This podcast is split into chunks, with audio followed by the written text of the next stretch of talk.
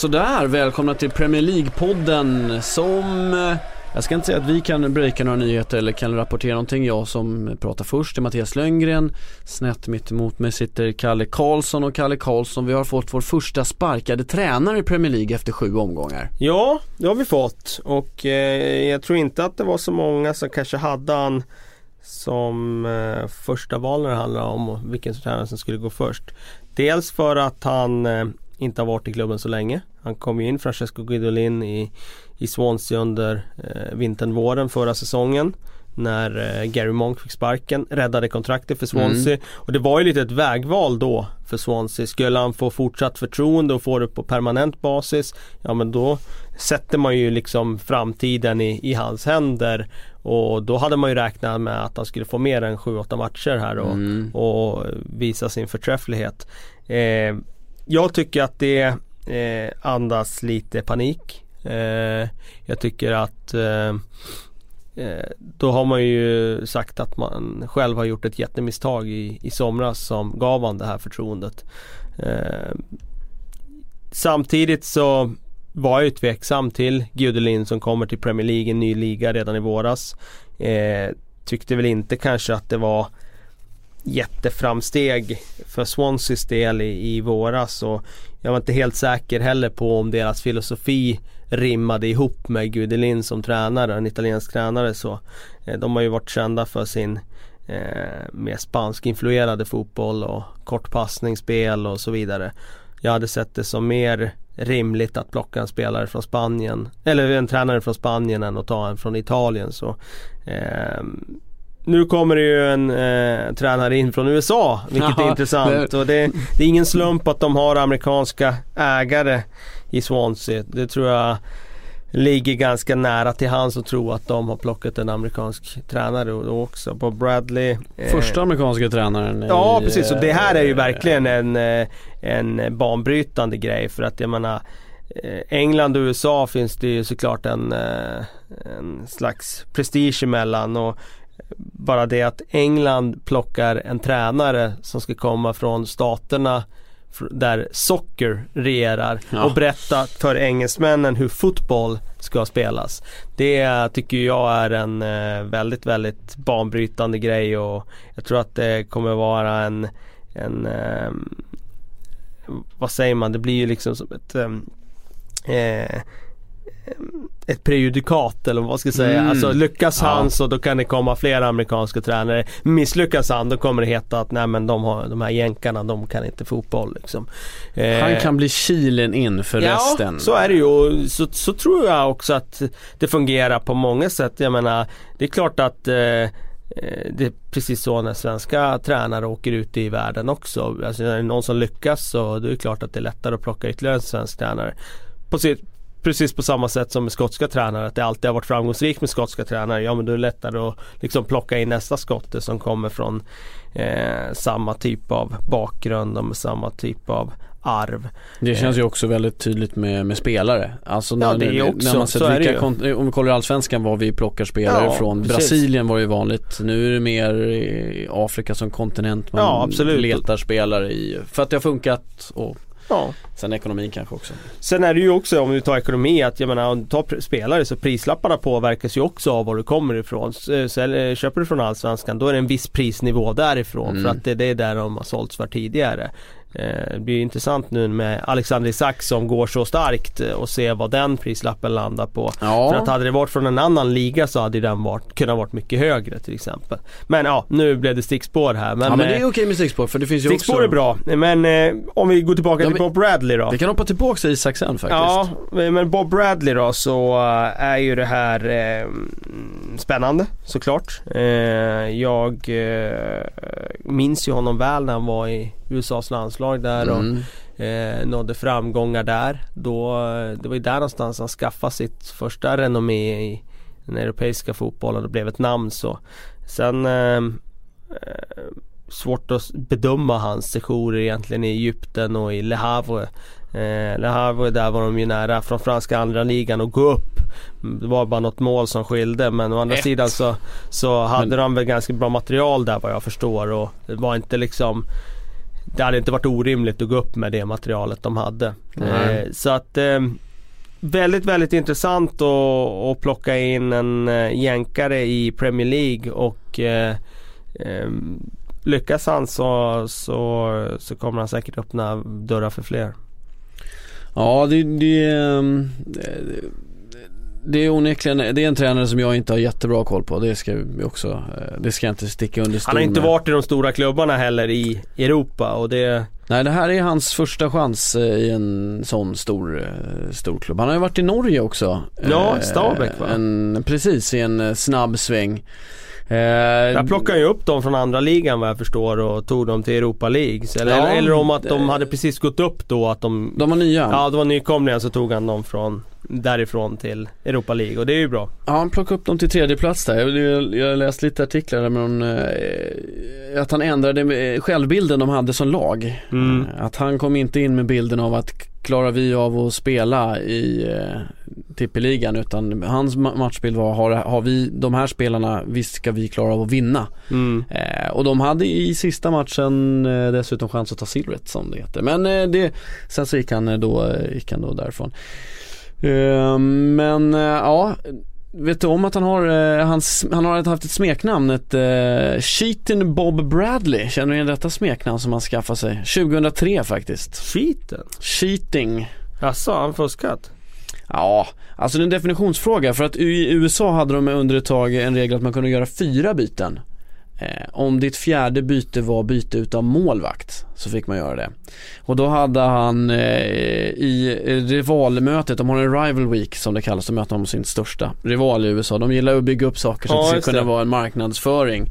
Eh, och då stod det 2-2 eh, i slutminuten och han ville ha in en anfallare till och då fick han helt enkelt Tim Howard att byta position först på planen så att han fick spela back i eh, någon minut. Och sen så bytte han ut målvakten mot en 16-årig anfallare som fick stå i mål. Fram tills dess att man lyckades spela ut bollen över sidlinjen och då bytte han och Tim Howard plats igen så Tim Howard står i mål. Eh, och summa summarum den här inbytte 16 avgör naturligtvis matchen då i 99 matchminuten på övertid. Okay. Eh, och blev därefter kallad Cheating eh, Bob eh, som lurkade upp det här loopholet ja, som det, det kallades. Som också direkt efteråt stängdes igen och aldrig mer fick användas ja, eh, på det sättet. Det var inte så här det var tänkt men Nej. han hittar helt enkelt ett sätt att vinna eh, och utmanar reglerna. Det ska han väl nästan ha cred för ja, snarare än eh, något annat. Kanske ifrån våran synvinkel men ifrån eh, Washington DC igen, var de inte så nöjda med den här Nej men det borde de ha täppt igen det där kryphålet i reglerna från början istället. Det borde de kunna räknat ut att det fanns några liksom eh, vägar att gå runt det där. Ja det, det låter ju inte helt orimligt att någon skulle hitta den här, hitta den här chansen. Ja. Och sen att såklart det hade ju bara varit en parentes i historien, vilket det fortfarande är förvisso. Men om inte den inbytte naturligtvis går och gör ja, sitt första mål också och avgör ett sånt eh, så rivalmöte. Det, men det här, det, det här är de, de grejer jag lyckas eh, gräva upp om, eh, om, eh, om den gode Bob. Jag vet inte riktigt vilken typ av fotboll det är han kommer att vilja, eh, vilja spela. Jag har inte riktigt, det, det jag har sett mest är ju när, när det var i USA. Um, ja det var ju någon slags Och det var ju ganska eh, länge sedan ändå. Hög energi fotboll vilket det alltid blir med, eh, vad ska jag säga, med amerikanska lag. Eh, och never say die attityden. Det var med den som genomsyrade något något eh, spelmässigt. Samtidigt ska jag erkänna att jag eh, eh, minns inte så mycket av USA mer än att Michael Bradley, hans son sprang ja. runt där på mittfältet och var väldigt bra i landslaget. Ehm, så att, ehm, Han gjorde några viktiga mål. Men om vi, om vi kollar då på Swansea 1, tycker du det var rätt att, uh, att uh, de har bytt tränare? Ja, jag hade gärna sett att en tränare som får uh, jobbet permanent i somras hade fått mer tid än så här. Om vi tittar på hur Swansea har spelat inledningsvis. Vad ja. tycker du, hur tycker du de har spelat? Har de kunnat göra mer. Jag tycker de har varit bra faktiskt. Ja, alltså de har inte fått utdelning matcher, men på slutet vissa har de verkligen Vissa matcher har de varit väldigt bra. Jag tycker det finns kvalitet i deras lag. Sen vet jag inte om de alltid använder den eh, de spetsegenskaper som finns. Jag tycker de alltid haft snabba kanter när de spelar med Montero med eh, när de har spelat med Nathan Dyer och när de spelar med, för den delen, Modu Barrow.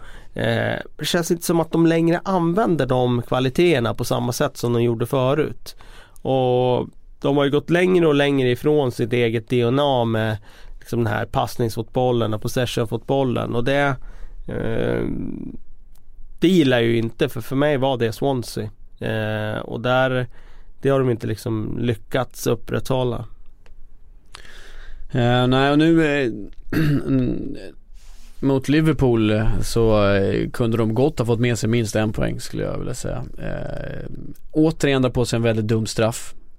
En onödig straff. Förra gången var det med Uh, bla bla bla. Van der Horn som drar upp en armbåge helt i onödan på Agero och nu är det en rensning i straffområdet i lugn och ro som sparkas rakt upp och landar i straffområdet. Mm. Jättedum satsning. Så de har fått hårt för, straff alltså. Kännetecken för ett lag som är lite naivt och valpigt. Ja.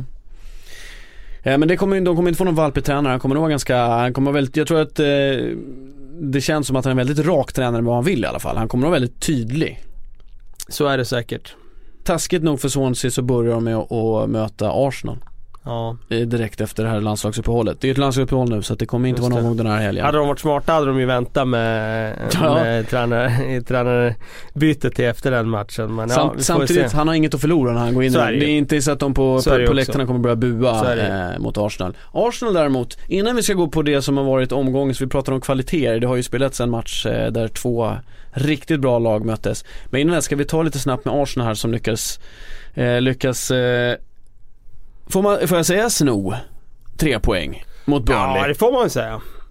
Det där målet, det avgörande målet, Korselnys hand, det, det ska inte vara mål. Nej. Eh, Av flera aspekter. Det är lite konstigt att han inte eh, upptäckte den handen faktiskt för att jag tyckte det var ganska tydlig.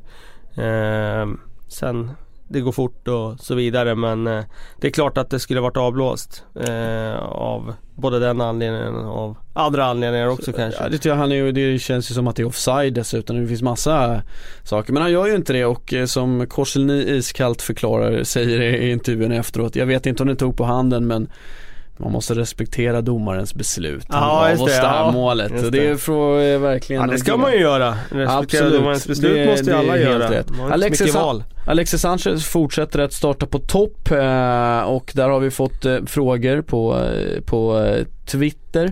Per-Axel Fredriksson, kan Alexis visa sig bli den världsklass-striker Arsenal länge sökt på marknaden?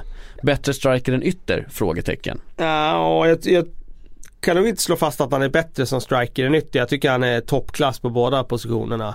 Och eh, Det som man ser är ju att Arsenal i vissa matcher får väldigt mycket ut av att ha den där rörligheten som det blir med han där. Han lämnar sin position, spelar lite som falsk nia, droppar ner, styr eh, ja, spelet på sista tredjedel så kan det komma in löpningar från lite höger och vänster. Både från Iwobi på ena kanten, från Walcott på andra men även någon av mittfältarna kan dra iväg. Och det har varit väldigt svårläst för motståndarna. Så jag gillar ju tanken på honom där. Däremot det jag tror Wenger behöver hitta det är just det där eh, att det passar bra mot vissa motståndare, kanske inte mot alla. Det finns matcher där Olivier Girouds felvända spel kommer vara eh, till och med mer nyttigt än vad Sanchez spel kommer vara.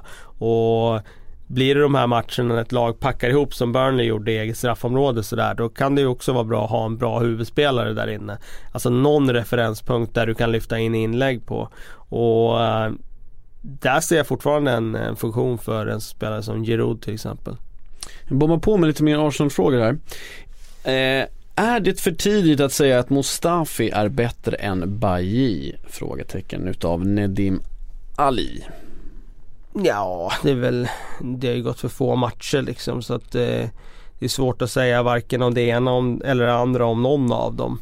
Eh, så att eh, det tycker jag nog är för tidigt. Eh, oavsett om det är att man säger att Bailly är bättre än Mustafi eller att Mustafi är bättre än Bailly så tycker jag att det är för tidigt, ja. Och sen hänger det på helheten också, vem man har med sig, vad det betyder för hela hela spelet. Eh, Fredrik Jonsson, är det bra för Iwobi att gå under radarn? Så slipper pressen eh, som ja, Rashford och eh, andra kanske får.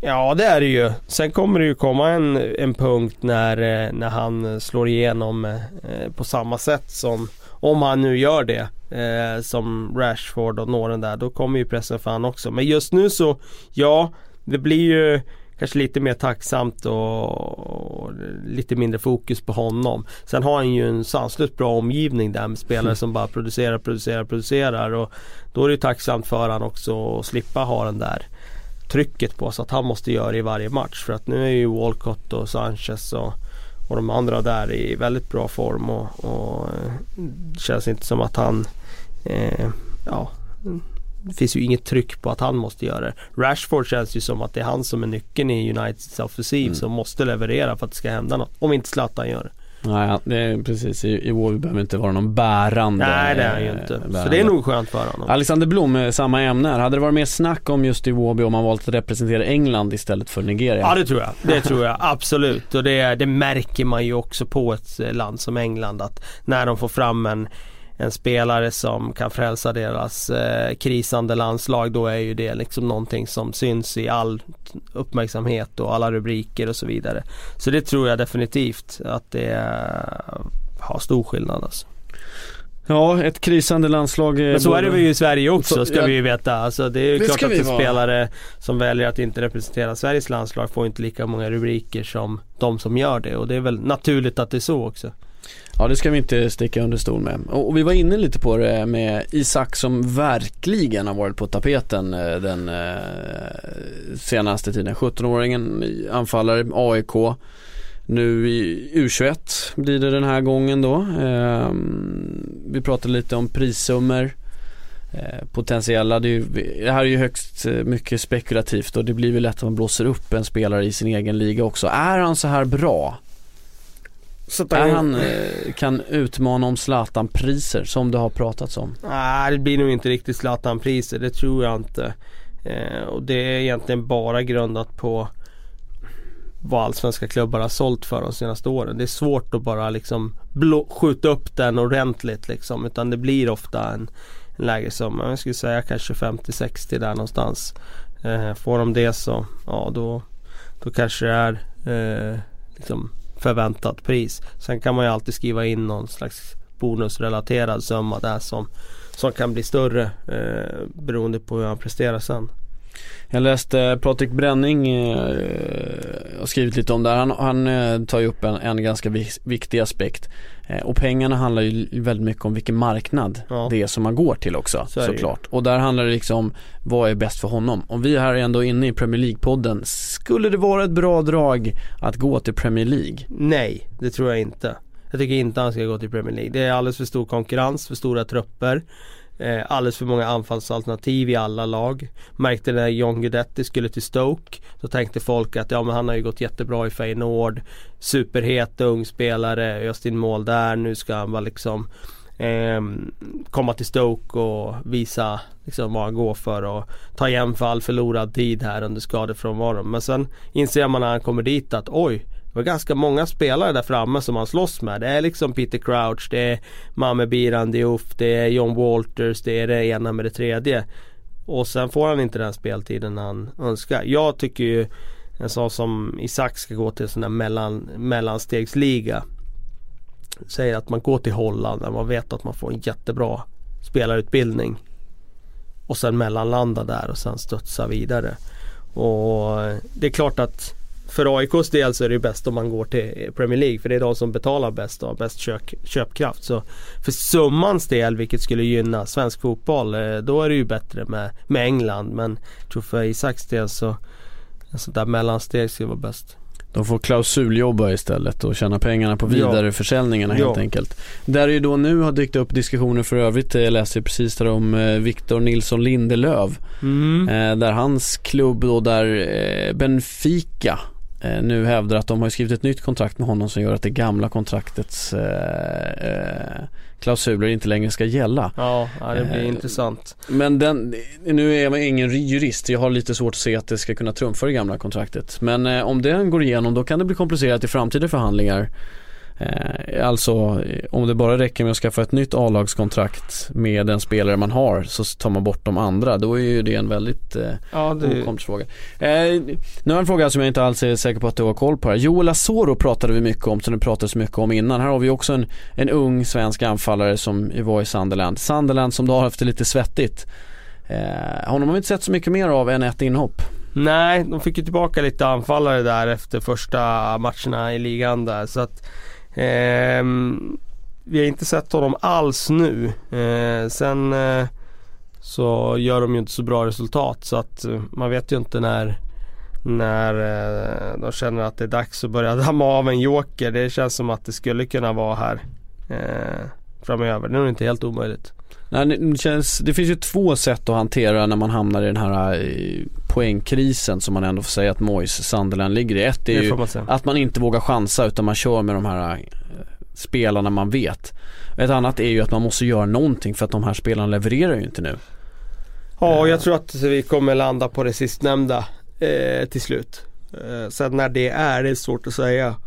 Men eh, två poäng efter sju matcher, det är klart att så han måste ju göra någonting.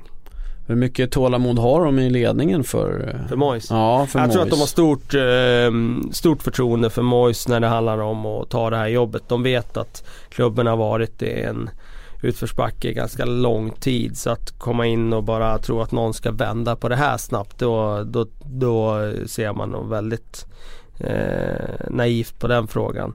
Jag tror och hoppas att han får tid att jobba med det här och även om det är så pass mycket tid så att han till och med kör ner Sunderland så hoppas jag att han får chansen att försöka bygga upp det från Championship igen för att som jag säger, det här har ju varit på tapeten i ganska många år att de ska ligga där nere i botten och att de kommer få kriga om kontraktet. De har inte gjort några värvningar i sommar som får en att tro att de skulle börja klättra uppåt i tabellen direkt. Nu, det finns några som inte kan komma så mycket längre upp i tabellen. Men, om man tittar på Sunderlands startelva ja. från senaste matchen, om vi tar den liksom. Det är ju ja. inte det är ju inte, det är inte imponerande namn. Pickford i mål, han har gjort lite räddningar och så vidare men eh, Det finns väl ett frågetecken kring om han är riktigt redo. Det är en väldigt lovande målvakt, absolut, men är, är han redo? Och sen backlinjen med Makio, Lamine Kone, eh, John O'Shea och Jason Denayer. Ah, det är väl Mm. Inte så många lag i Premier League som har en eh, mer skakig eh, backlinje. Nu har jag fått bort Gilo Boli och det är ju det är bra det i alla fall. Och sen Kirchhoff sitter på mitten där. Ja, han fick ju beröm i våras där när han kom in i deras 4-1, 4-1 och satt och städade där nere men eh, jag vet inte, det känns som att andra lag i Premier League har minst lika bra spelare i den positionen.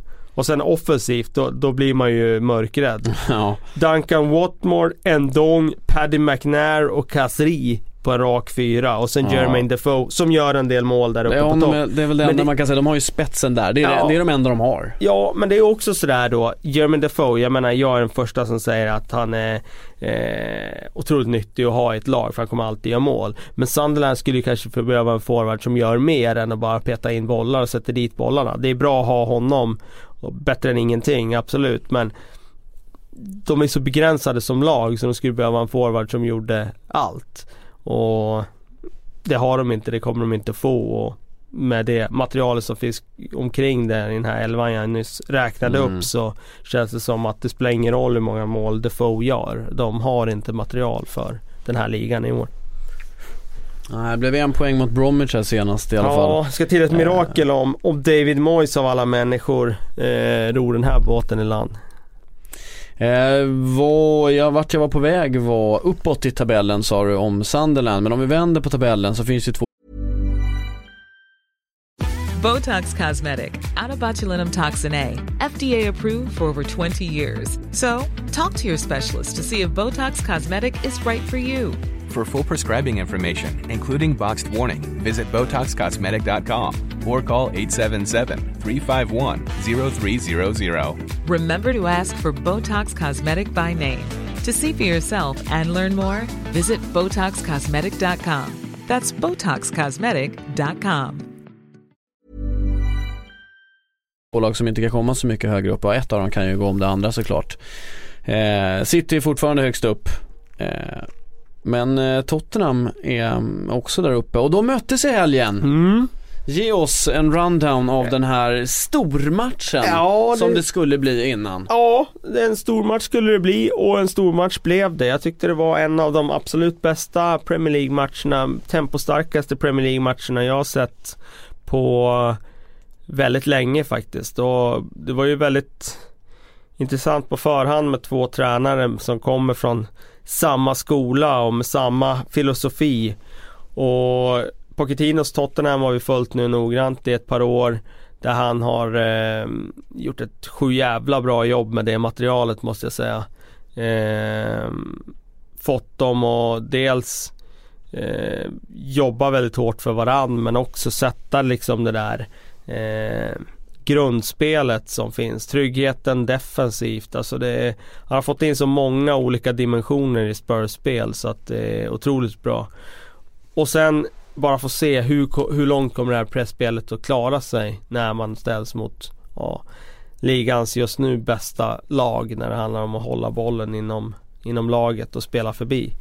Och det är ju väldigt, väldigt intressant hur Pochettino bara liksom skiftar på en mittfältsposition. Ett djärvt drag att verkligen gå upp på 4-1-4-1 till sånt här möte istället för 4-2-3-1 som de brukar spela. Men just bara för att få ännu mer tryck i pressspelet. Och sen trycker de verkligen ner den där gaspedalen i botten från start. Och verkligen bara kör. Och kör, kör, kör. Och verkligen tugga sönder City. För det tycker jag att de gör i första halvlek. Och det var ju verkligen häftigt att se att ett lag kunde spela på det där sättet i första halvlek och dominera matchen mot City. Eh, på det sättet. Sen i andra så, och Spurs ska ju göra fler än Eh, ja de gör två i och för sig före Mm. paus så det är väl bra men de har ju fler lägen att göra mål, det får man säga. Och sen i andra så ser man ju att de går på knäna verkligen.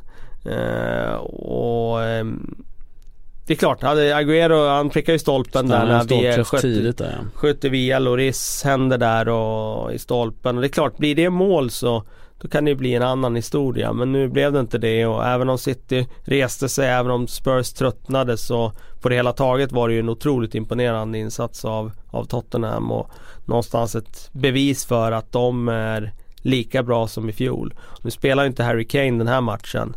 Vincent Janssen fick sitta på bänken och John Min Song spelade fram istället och ja, det är ju så, det är Tottenham som är som i fjol men de klarar sig dessutom utan Harry Kane på ett sätt som de, man anade att de inte skulle göra i fjol. Så de har ju blivit mycket bättre tycker jag. Victor Wanyama var ju fullständigt enorm i den där defensiva rollen och det passar ju honom väldigt bra.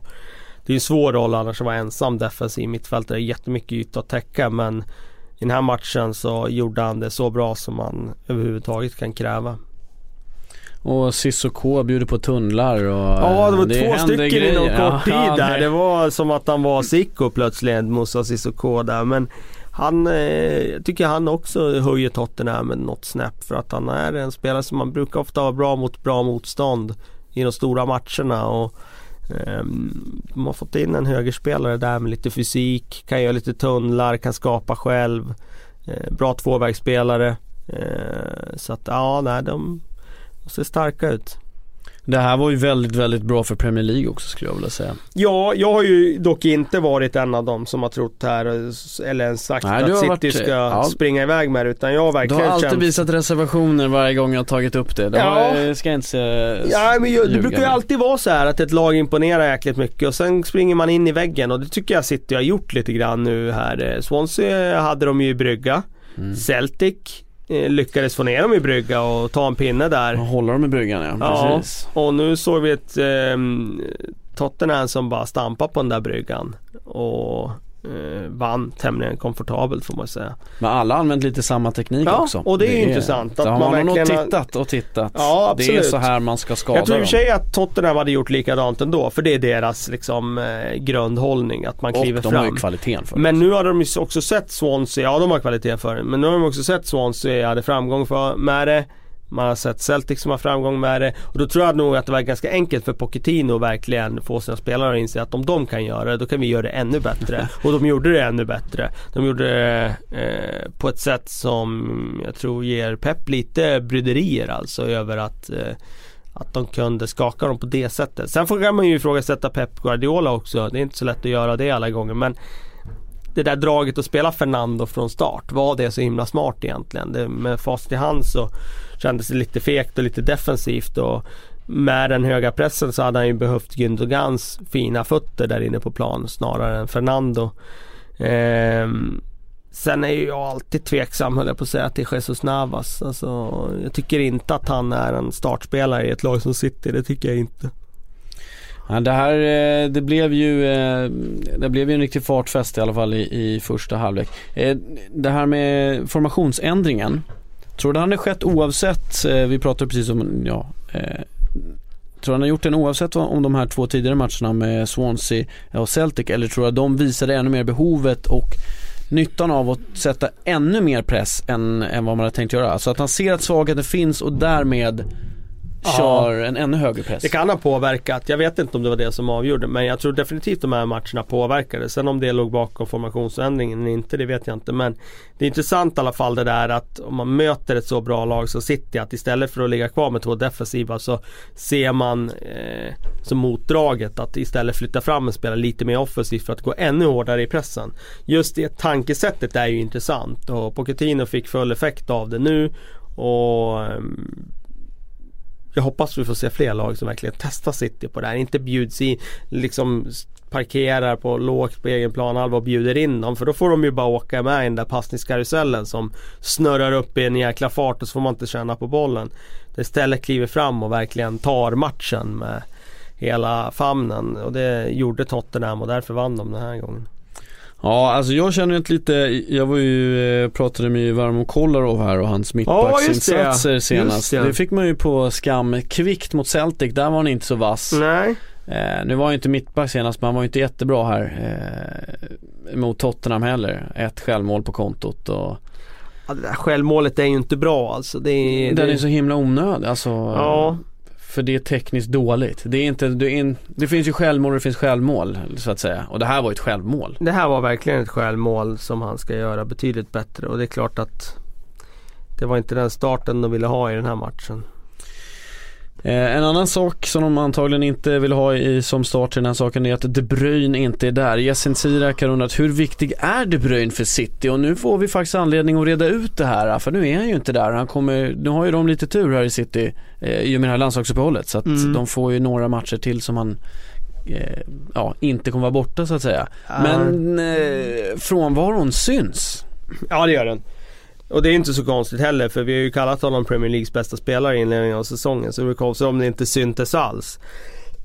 jag tycker att han eh, har de där egenskaperna som gör att visst Tottenham har kunnat pressa högt men de där gångerna när de verkligen får spela förbi och de får chansen att ställa om mot dem och det, får attackera en backlinje. Då har ju han den där egenskapen att han kan värdera den sista passningen och ta rätt beslut i det rätta ögonblicket och det är då man kan såra en motståndare och jag tror att med han på plan så hade det varit eh, en helt annan sak. Sen är det inte säkert att de hade vunnit matchen för det men de hade haft större chanser att göra det. Det är ingen tvekan för att han är så pass bra så att han gör skillnad i matcher gång på gång på gång. Och det har han säkerligen gjort i den här matchen också. Sen hur mycket det hade räckt till det är svårt att säga för Tottenham var väldigt, väldigt bra i den här matchen. Ja, eh, du var inne på att Pep, Pep har fått en hel del frågor. Eh, vad tror du han kommer göra? Hur kommer han reagera på det här? För du vill ju se fler lag eh, sätta hög press och det troliga är väl att folk Alltså de som har materialet som kan göra det borde ju sätta den här pressen med andra ord. Vad är motdraget? Ja motdraget är ju någonting I frånvaron på eh, De Bruyne ska sägas, ja, han kommer jag bort ja motdraget Motdraget är ju att hans spelare blir eh, mer trygga med bollen och vågar ta emot felvända och så vidare. Hans mittfältare. Och där tror jag att nyckeln är att inte spela med Fernando till exempel som inte är så trygg med att stå emot, eh, stå och ta emot när han är felvänd och ha gubbar i rygg och så vidare och slå passningar med med en liten säkerhetsmarginal och sådär. Det, det tror jag är en grej. Nummer två är ju att han hittar ett sätt att spela förbi den där hårda pressen och det, det har han hittat förut. När han var tränare i Bayern München så mötte de Dortmund en gång och de lyfte egentligen bara den matchen.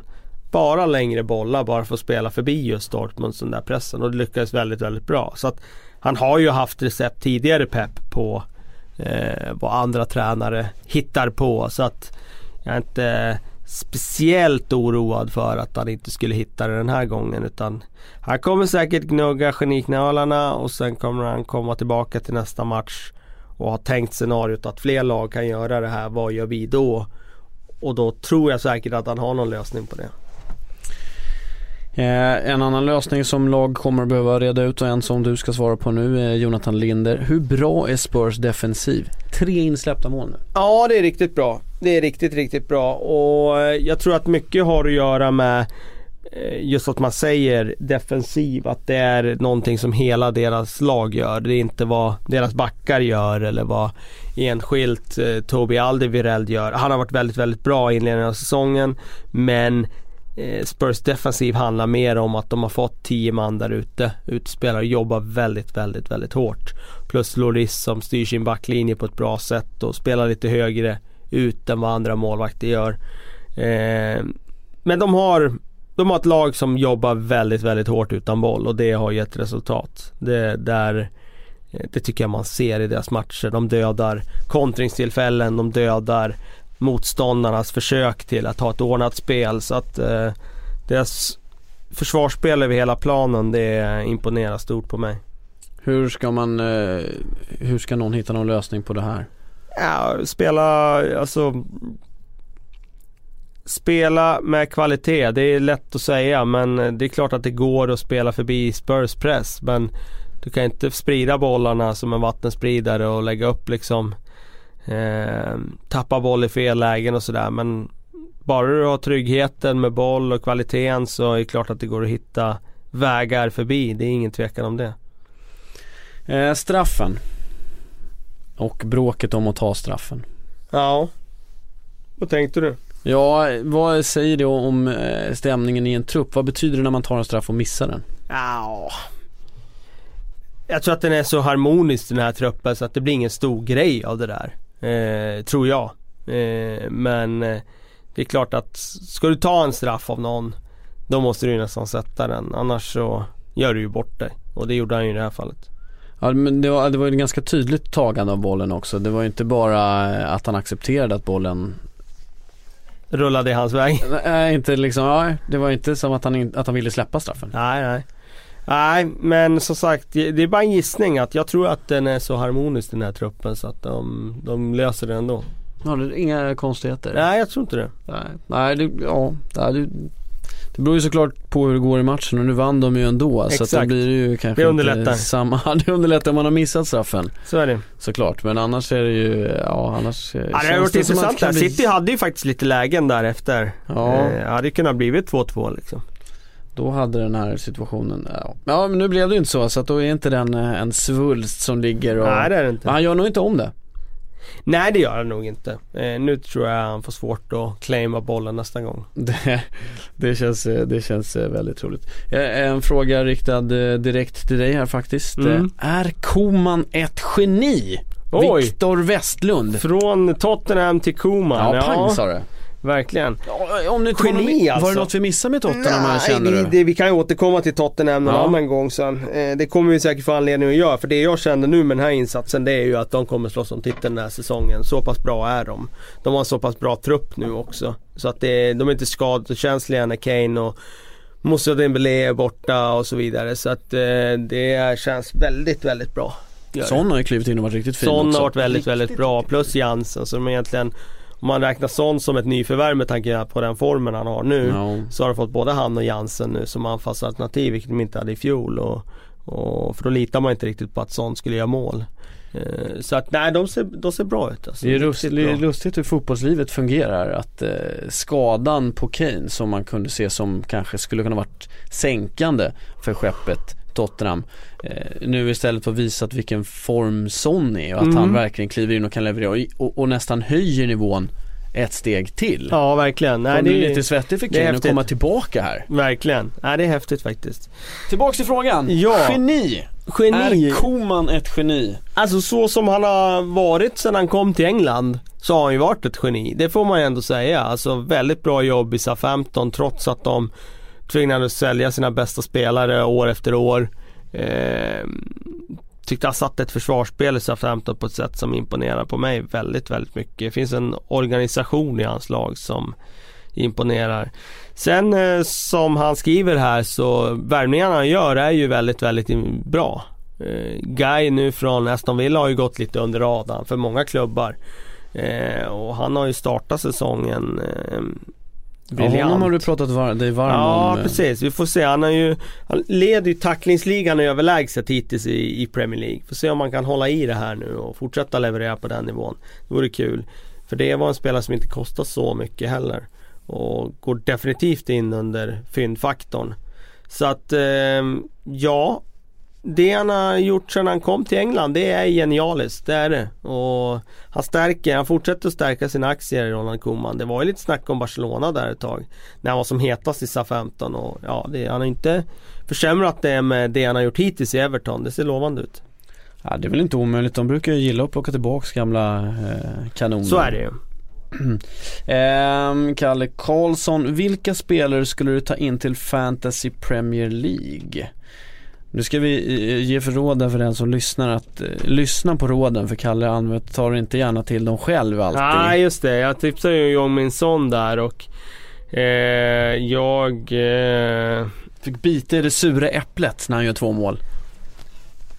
Ja, nej det var ju, det var ju eh, riktigt jäkla rookie mistake av mig där att inte ta med honom själv. Men eh, som sagt eh, jag måste nog återkomma i eh, Fantasy Premier Manager tipsen där för att eh, jag brukar vänta in det där ganska sent när man ser vad det blir för skador här efter landslagsuppehållen och det här. Så att vi, vi kan väl återkomma med det men som sagt jag levererar ju alltid mina tips där eh, inför omgången på fredagen, lördagen där på sportbladet.se så vill man ha mina tips där på spelare man ska byta in så kan man hålla utkik där. The Swedish Gooner, hur skulle du beskriva Arsenals chanser att vinna Premier League? Ja, bra chanser i år liksom. De har ett komplett lag, de fått in en bra mittback. De var nära i fjol men ändå inte nära. Nära på det sättet att de vann ju Premier League förutom det här sensationslaget som kom från ingenstans mm. och liksom eh, bara segla upp och förbi allihopa. Och genomförde det som bara sker en gång på hundra år ungefär. Och det kommer inte ske det här året. Det kommer inte komma något nytt Leicester. Och Leicester kommer inte ha någonting med det att göra. Så att, ja, det kan vi konstatera. De, de, har ju lika bra chans tycker jag Arsenal som alla andra lag där uppe i toppen. Och då menar jag som City, som Tottenham, som Liverpool och Chelsea och Manchester United. Eh, jag tycker inte de har sämre chans än något annat av de där topplagen. Eh, det var i, i, flera sociala medier så var det uttrycktes oro efter den här eh, fantastiska eh, matchen mot Chelsea att nu kommer det komma en dipp i direktmatchen efter för Arsenal. Men då fick man ju det här målet med sig nu då så man fick tre ja, poäng precis. trots dippen. Så det är ju det som är också grejen att nu vinner de sådana där matcher borta mot Burnley. För tidigare Arsenal-säsonger då har det blivit liksom ett kryss en sån match. Men nu tar de med sig ett mål och det är inte regelrätt men det spelar ingen roll för det är tre poäng ner i, i ryggsäcken liksom. Så att eh, känns som att de, eh, ja, bortsett från den här plumpen i premiären mot Liverpool så har det varit lite deras säsong hittills i inledningen här. Det har, liksom, bollen har studsat deras väg. Plus att de har gjort det väldigt, väldigt bra. Ser ut som ett komplett lagbygge. Och, och mot Liverpool, de gör ändå tre mål. Ja, trots att de hade den krisen de hade Jaha. inför den matchen så gör de ändå tre mål och visserligen släppte de in fyra. De släppte in fyra, absolut. Men... var inte så bra men eh, nej, jag håller med dig. Det, det finns massa kvalitet i det här laget. Men eh, sen den matchen då de släppte in fyra, nu släpper de inte in så mycket mål. Nej. Eh, det är väl fyra raka nollor här tror jag till och med i, i Premier League att man Ja, Mustafi Koscielny ser ut att ha blivit riktigt bra mittbackspar måste jag säga. Uh, och ja, får se. Det kommer fler tuffa test här framöver men uh, det ser lovande ut i alla fall, det gör det. Ja, det är väl alla, alla kommer ju att bli testade nu ska vi se. Kommer Citys försvarsspel vara det som fäller dem? Rejält avslöjade de senaste matcherna. Eh, Gooner-pojken, mycket Arsenal-karaktärer här inne som har ställt ja. frågorna den här veckan. Ja, det är klart att det finns ett frågetecken kring deras försvarsspel. Jag är inte alls imponerad av det jag såg av dem i helgen mot Tottenham här. Jag tyckte de släppte till väldigt mycket då. Så för att svara på frågan, ja är det någonting som fäller dem så är det nog förmodligen försvarsspelet. För offensivt känns de ju fortfarande väldigt starka. Nu gjorde de inget mål här nu men de skapar rätt mycket chanser ändå i andra halvlek och så vidare. Man känner ju att det finns mål i Manchester City, Mm. så är det ju. Eh, men defensivt så, ja. Det, det känns lite otryggt där bak, ja. Eh, Rasmus Kyle Walker Utropstecken, så det var nästan ett skrik där. Ja. Ligans bästa ytterback. Ja, alltså i inledningen av den här säsongen har han varit väldigt, väldigt bra. Jag tycker han var bra under hela förra säsongen. Då stärkte han ju sina aktier för han har ju alltid varit lite utskälld och anskylld, eller beskyllts för att vara lite speldum och springer mycket och så vidare men ut- uträttar mindre. Men eh, jag tycker inledningen av den här säsongen har varit riktigt, riktigt bra. Gustav Ahlgren, ni hör jag mata på lite frågor här nu för Ja. ibland glömmer jag det men nu jäklar. Gustav Ahlgren, hur bra är Hazard hittills i år egentligen? Ah, han är, eh, tycker jag, spelmässigt 3 av 5 ungefär. Eh, någonstans där. Tycker jag har haft några matcher där man ser att han blixtrar till och så vidare. Sen tycker jag att han kan göra mer poäng. Nu jämför jag med Hazard s- säsongen när han blev vald till ligans bästa spelare. Mm. Tycker han är bra men han är inte på den nivån riktigt än. Ja, jag tänkte precis dela upp frågan i två nämligen. Om du, om du Ja. eh, jämför med förra säsongen eller om du jämför med förra, förra säsongen. Jämför med Ja. förra säsongen. Då är han 5 av 5 för att Ja. så svag som han var i fjol så uh, svag ska han inte behöva vara. Chelsea eh, överlag, hittade de en på väg tillbaka, det var ju riktigt, kändes som de var illa ut där. Nu tog de i alla fall eh, en seger. Mm. Ja, jag har inte hunnit se den matchen ännu men ehm, man kan väl också sätta ett litet frågetecken kring Hall nu. Ja, Stark deras, start eh, men ja. det, deras trend nu är sådär får man väl säga. Nej, det vi, vi, vi, kan konstatera nu är att ganska många lag efter de har mött Hall har man ju fått gett dem väldigt mycket beröm för att de har hittat, fått styra i ytor och det ser väldigt, allt spelet mot Hall ser väldigt bra ut. Ja, sen har de 1-4 mot Arsenal, 1-5 mot eh, Liverpool och nu åker de, och, eller ja nu förlorar de hemma mot Chelsea. Alltså det är ingen stark rad sådär de kommer med. Det känns som att de är begränsade och att de kommer kunna dippa lite i tabellen också. Det var, de gick på rus där i premiären och så vidare. Ja det kändes som den här nykomlingsgrejen där man verkligen får ut max, max i de första omgångarna. Men det, det ska ju, vi pratade om det här inför, de hade ju knappt några spelare Så kontrakterade. det Det är ju ett väldigt tunt lag. Så det var ju snarare Ingen en chock kräva att de låg så bra, Ja, att det gick så ja, ja. bra till Ja, ja, ja. Nej jag har ju dem på jumboplatsen liksom. Jag tror fortfarande att det kan bli det där nere. För jag tycker att de har ett väldigt, väldigt svagt material. Sen verkar det som att de hade fått in en jäkla bra gruppkänsla och go när säsongen drog igång där. Gick och knäppte mästarna på näsan direkt där liksom. Men eh, att det skulle hålla över tid, det vete tusan alltså.